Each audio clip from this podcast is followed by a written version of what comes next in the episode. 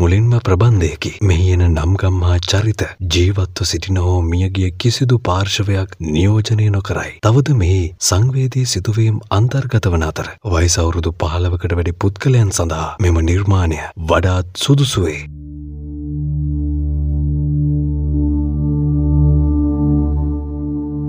හාරේ පළමුක කට්ටිය මොල්ල නින්නෝද කියලා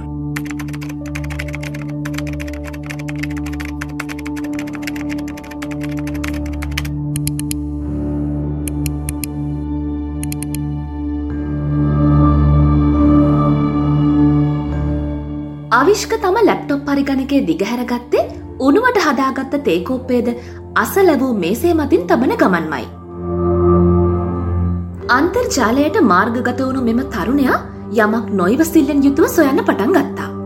මෙතෙක් වෙලා කුතුහලයෙන් පිරුණු ඔහුගේ මුහුණට සිනහාවක්කාවේ මයික්‍රොසොෆ් ටීම් ඇමතුමකට.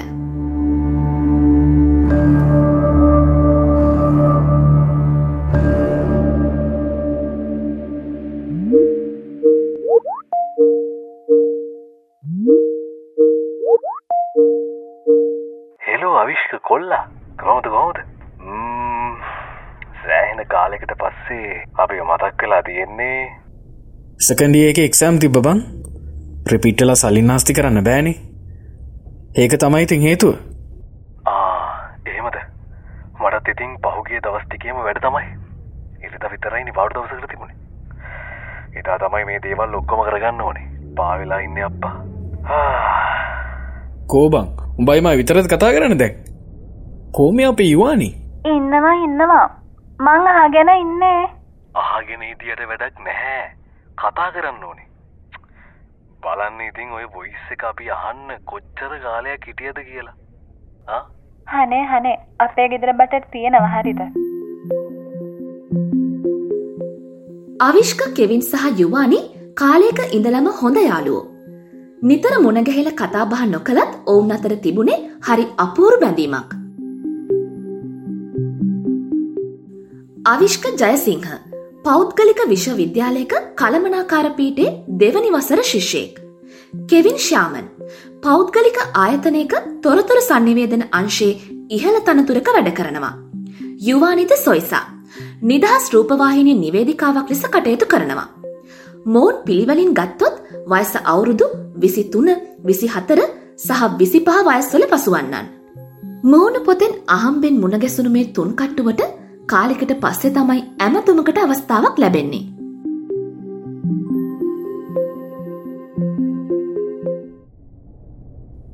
මොකද කරන්න කට්ටිය? මටනම් මේ එක්සෑම් ලොක්ඩවන් ට්‍රවල් රට්‍රක්ෂන් එක ජීවිතය මෙපා වෙලා ඉන්නේ. අපි අදරයට සෙට්ටෙමු දෙෙන ඔයාලා යන්න එහෙනම්. මට එන්න බැරිවෙයි මට හෙටලොක සෙලිබ්‍රටි කෙනෙක් එක ඉන්ටවිව් එකක් තියෙනවා. අවිශ්කයා එනම් මෙහෙම කරමු.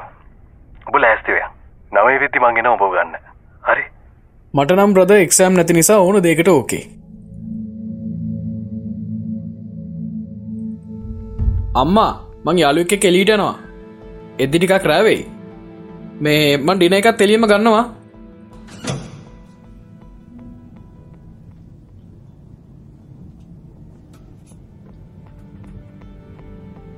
තම මවට සියල්ල විස්තර කර දුන් අවිශ්ක තම නිවසෙන් පිටවී විදුලි සෝපානයට ගොඩ වුණා. අවිශ්ක ජීවත් වුණේ අගනුවර පිහිටි ප්‍රධාන පෙළේ සුපිරි මහල් නිවාස සංකීර්ණයක. අවිශ්කගේ පියා ගුවන් සමාගමක ඉහළ තනතුරක් දරපු නිසා ඔවුන්ට ඇතිපදම් මුදල් තිබුණා. විදුලි සෝපානෙන් පිටතට පැමිණි තරුණයා දුරකත නැමතුමක් ලබා ගත්තා.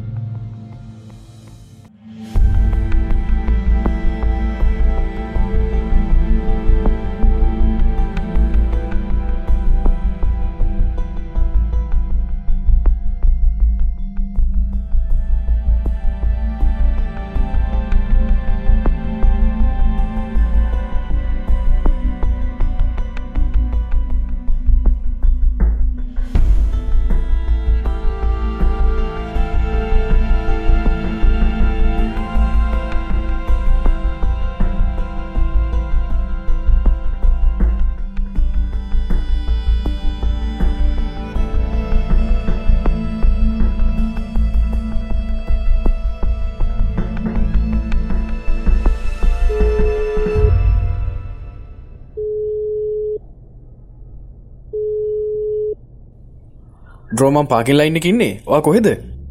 හෙලෝ මං කිට්ටු කල්ලා ඉන්නේ. තව විනාඩි තුනක් විතරයි හරි? ඔමිදවා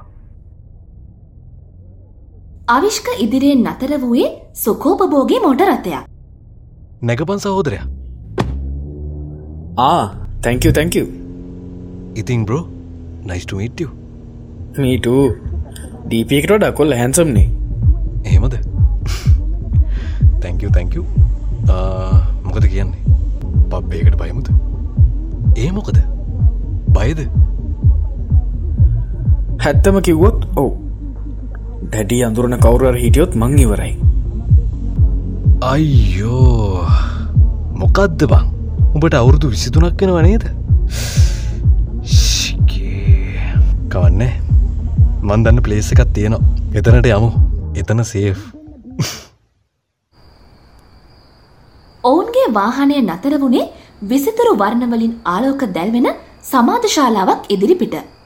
සාමාන්‍ය සමාධශාලාවල අධික ශබ්දයක් තිබුණත් මෙහි එවැනි කිසිදු අනවශ්‍ය ගෝෂාකාරය ශබ්ද නැහැ. ඉතිං බං ඒ ප්‍රොජෙක්් එක මිලියන ගානක් වටිනෝ හරිද?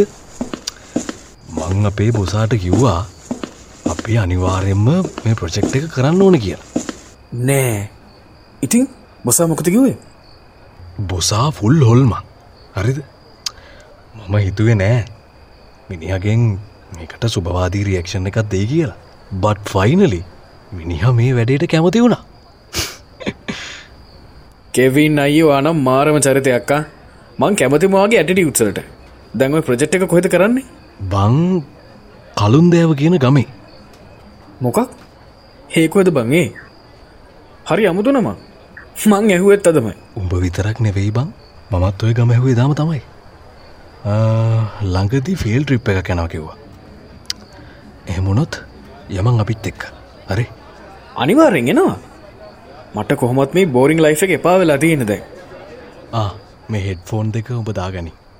ඇත්තටම මං අහන්නම හිටේ හොඳටම ශුවර්ද අපි අව පබ් එකකට කියලා.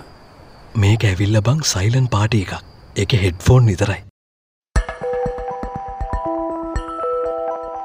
හෙඩ්ෆෝන්ස් පැළඳගත්ත තරුණයෙන් දෙදෙන සමාධශාලාවට ඇතුළ වෙනවා. විවිධ වර්ගේ මද්‍රාව්‍ය වර්ග භාවිතා කරමින් නර්තනය යෙදෙන තරුණ තරුණයන්ගෙන් සමාධශාලාව පිරී ගොස් අවසානයි.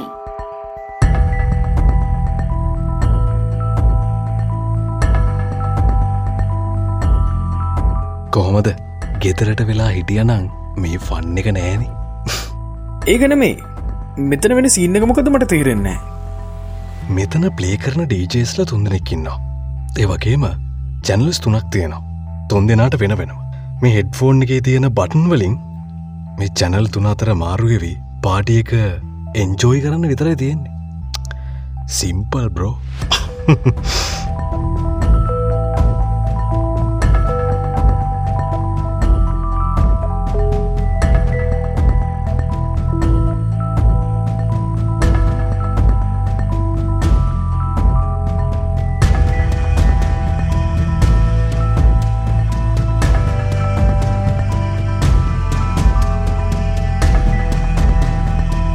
මධ්‍යම රාත්‍රී පසුවන තුරුම තරුණයෙන් දෙදෙන සමාධ ශාලාව තුළ විනෝද වෙනවා. මධ්‍යම රාත්‍රී දොළහසීනුව වදිනවත් එක්කම අම්මෝ මොකත්තේ සත්තේ කන් දෙක ගලවල යනවාගේ ආ අම්මෝ.